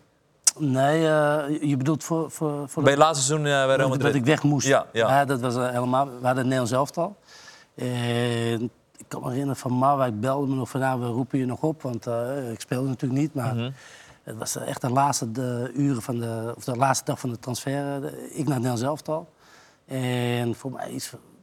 Een bepaald uur, voor mij zes uur 's middags, moest alles geregeld worden. En eh, ik wist dat ik weg moest, maar ik zei, ja, ik blijf, eh, geen probleem. En eh, toen belde een uur van tevoren Tottenham eh, op. Daniel Levy van, eh, wil je eh, bij ons komen voetballen? En eh, mijn zaakwaarnemer belde mij dan. En ik zei, ah, poef. Het is altijd Een afscheid nemen van Real. jongen. Ja, ja. Dat was echt En dingetje. ik, weet echt, ik wist echt wel, want ik kan nog doorknokken en weer mijn kansen weer terugpakken. Alleen, ja, Wat voor gevoel kreeg van Mourinho? Zat het erin? Nee, Mourinho was heel erg, eh, die was echt top. Die zei gewoon, luister, we halen Özil. En ik vind jou gewoon te goed om op de bank te zetten. En ik gun jou ook, eh, dat is wat hij zei dan in ieder geval. En als je blijft, dan ben je gewoon een volwaardig speler. Oké. Alleen je gaat niet eh, beginnen in het begin, maar je kan natuurlijk je plek verdienen. Alleen ik had op een gegeven moment, weet je, Tottenham kwam, kreeg ik een goed gevoel bij. En toen heb ik echt in het trainingskamp van het Nederlands elftal besloten, ik doe het. En ik ben ook daarna nooit meer terug geweest naar Real. Oké. Dus, Oh, wow. Je had niet eens afscheid Geen afscheid genomen. kunnen nemen, afscheid niks. genomen, niks. Nee, nee, dus ik ben gewoon meteen, eh, dus tien dagen meestal zo'n Nederlands zelf, dat tripje vroeger. En dan ging, je, ging ik meteen door naar Londen en eh, dat was het. Ja, wow. Het kan eh, Heel snel gaan Heel snel gaan. Maar het voetballeven is fastline. Ja, ja, ja, Ja. Als je gaat kijken natuurlijk. Niet, niet elke speler kan zeggen van ja, ik, ben op zoveel, bij- ik heb bij zoveel verschillende clubs gespeeld. Maar als je gaat kijken naar mijn carrière dan. Ik heb op zoveel verschillende plekken gezeten. En ik, wat, ik zei wel altijd tegen mezelf, oké, op het moment dat ik naar een andere club ga, zorg er wel voor dat je thuisbasis creëert. Ja. Ja, toch? We hadden natuurlijk laatst het gevalletje Akpom, het hotel. Dat is wel iets wat ik altijd zou meegeven aan mijn eigen zoon of whatever. Ongeacht je maar een jaar hebt getekend, zorg ervoor dat je thuisbasis creëert. Omdat als je dat niet doet, gaat het echt tegen je keren. Maar als je gaat kijken, soms was ik net gewend lekker ergens te zijn. Ondanks ik niet speelde, maar ik voelde me wel thuis. Maar Moest toch weer keuze gaan maken om weer weg te gaan. En dat gaat er op een gegeven moment wel inakken. Ja. Maar dat is best wel krom, hè. Als jij als voetballer, eh, ik noem maar wat, bij eh, Everton, eh, eh, zoals ik bij HSV, dan wil je weg, dan mag je niet weg. Ja. Maar dan word je bij dat soort clubs word jij gewoon weggestuurd, terwijl Ja. je nog vijf jaar contract hebt. Ja. Ja. Ja, Ja. best wel, eh, Ja, we hebben het over luxe problemen, hè, want er zijn... Ja, eh, erger maar je snapt wat ik ook. bedoel. Ja. Het is wel echt... eh, maar het is... Ik ben zo dankbaar dat ik die periode Real heb mogen meemaken. Dat Ja. je, en ik voor mijn familie en, en, en opa en omaatje in, eh, in Spanje, dat, dat ik ze dat heb kunnen geven. Mhm. Dat, dat gaat me meer voldoening als... Ja. Ik, En wie kan eh, het zeggen, joh? Ja, wie kan het zeggen? Gespeeld. Ja, niet veel mensen zijn, kunnen dat er, zeggen. zijn er weinig. Het zijn de miljarden die ervan dromen, Ja. maar een handjevol die het waarmaken. Ja. Het gaat nog lang duren voordat er eventueel Nederlandse spelers zijn Ja. dat ik ga kunnen zeggen. Of een Rotterdammer. Jij bent de enige Rotterdammer hè, die voor Real I heeft know, I gespeeld. know, I know, I know, I know. Oh, nee. Dan, Ja, klopt. Nee, ja. Metcalf Sean is daar geweest, maar geen dat is geen geen Rotterdammer. Geen Rotterdammer. Enigste Rotterdammer. Ja, dat, ja, maar hangen allemaal foto's in te staan. hè. Dan zie je zo Sean Metcalf eh, ja, ja, die Real met die, gespeeld, met van hem. Dat is, ook geen, ook geen Real Madrid- Nederlander die voor Real gespeeld, eh. God? Sorry? Is hij de eerste Nederlander die voor Real Volgens mij wel. Ja, volgens mij wel. Ja, Heel erg gewaardeerd ook, Ja. eh, Ja. trouwens. eh. Dat weet ik niet, maar hij wou ik net zeggen, super gewaardeerd. Ja. Er wordt nog steeds over Ja, gesproken binnen de club. Met, hè. eh, hoe heet hij? Chendo. eh, Chendo, maar Chendo kent echt praktisch kent iedereen. Ja. Die Wie is dat, Chendo? eh, Chendo is eigenlijk teammanager. die, ja, teammanager. Dat ze, wanneer ze gaan wisselen, eigenlijk, hij zegt dus... Wie is Chendo? Als je dat in Spanje zegt, dan word je Oeh. Ja, dan word je wel, Dat is, eh, ja, voor mij was hij rechtsback. rechtsback, Een van de grootste was de rechtsback die, voordat Michel Salgado, zeg maar. ja. Ja, de eerste volgende keer dat ik naar Spanje ga, ga dan maar googlen. kennen jullie Chendo? eh, dan Als er wissels worden gedaan, dat is de Die generatie met Laudroep en zo. Ja. Die tijd. Oké. Als er wissels worden gedaan bij Madrid, komt er toch een guy met een brilletje en Ja. die geeft dat papiertje. Dat is Chendo. Dat is Chendo. Dan weet ik wie Chendo is. je hebt mijn leven gered. eh, ik snap wel, hoor, dat je Ja. het niet, eh, Nee, ja, Chendo, ik het weet wie is Chendo. Ja. Om het af te sluiten. Oh, trouwens, nog een leuk verhaal. Ken je nog wat die Stefano, wat die over jouw haas zei? Ja, hij, moet je even vertellen. Die- die- Die moet je even vertellen. Dat, vind ik, dat Ja, kunnen we die niet, die die Toen had, je, niet toen, had je, weggaan. toen had je Rasta, toch? Ja, de clubicoon die Stefano vond op een gegeven moment dat ik minder snel was met Rasta. Die vond dat ik, zeg maar, hij vond dat het in de weg zat.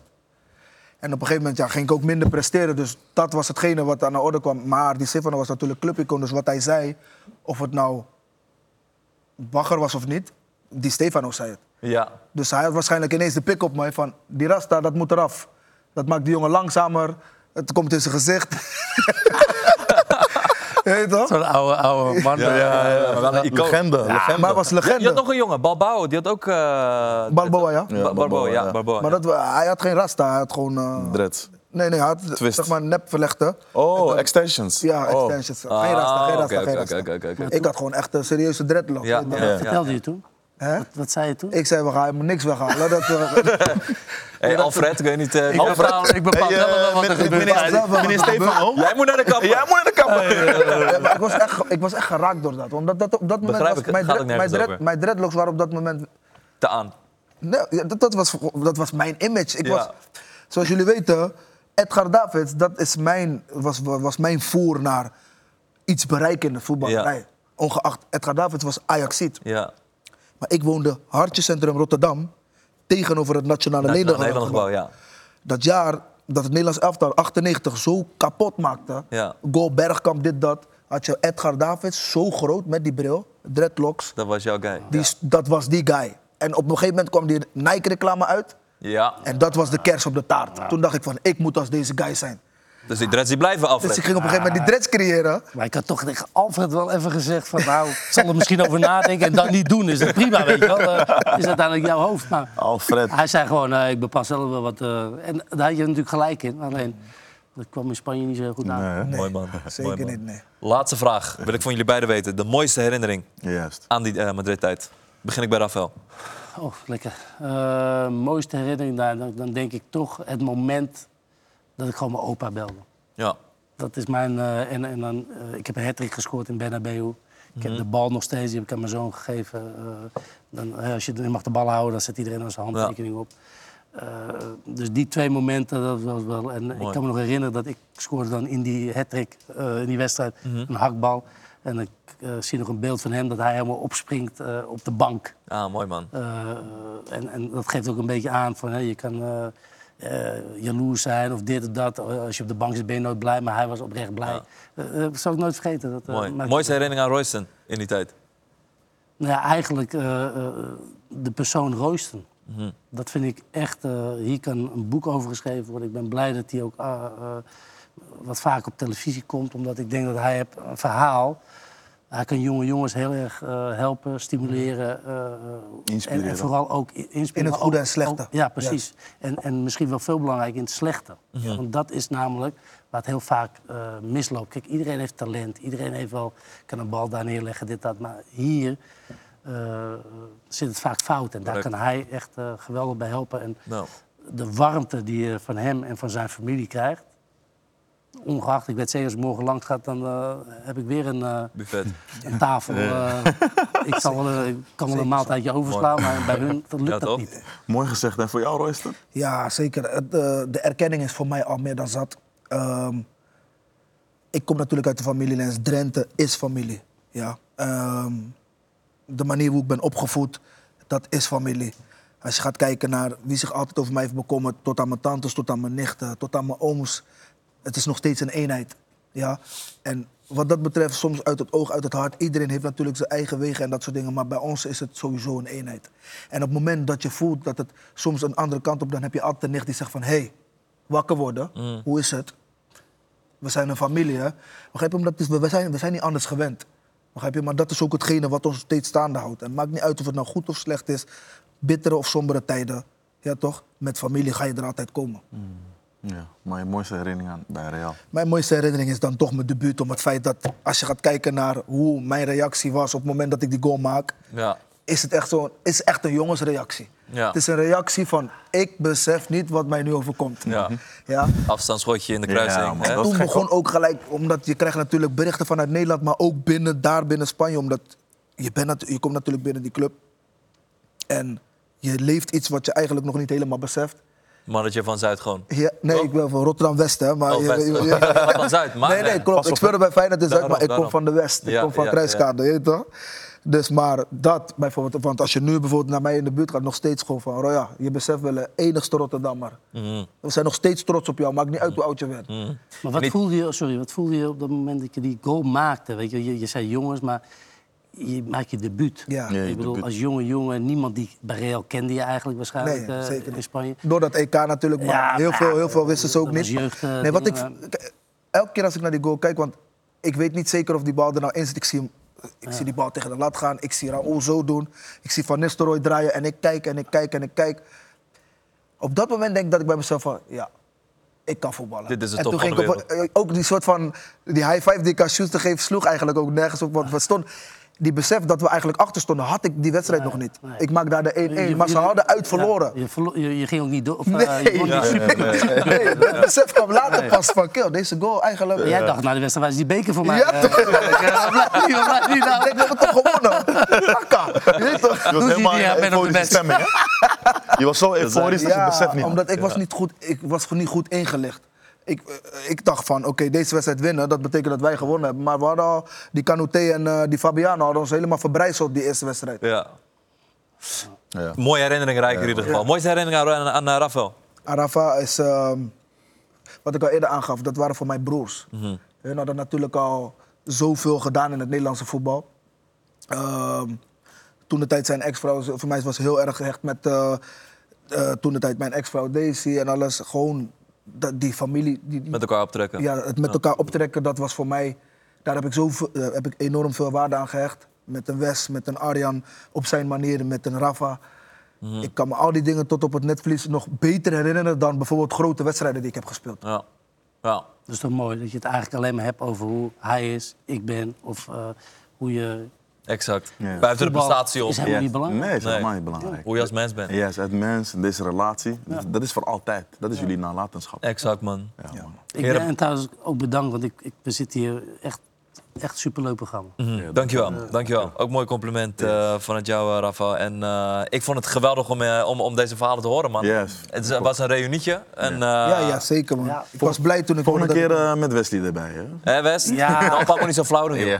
Nee, maar dan waren de verhalen heel anders uitgelopen. Ja, daar is vond dit, waarschijnlijk de eh, je toch? Klasse, man. Je moet. Wesley gewoon een keer alleen aan tafel. Ik denk dat dat een goed begin Met is. Klaas of met Ruud? of ga je... Ah, Nee, dat- ja, Nee, We- Wesley moet je met Andy. Ja. Breng Andy? Andy maar met Oké. Vaste collega's. Als het toegelaten wordt. Heren, bedankt. Dit was top. jullie bedankt. Dankjewel, hè? Dankjewel, hè. Dankjewel, hè. 100%.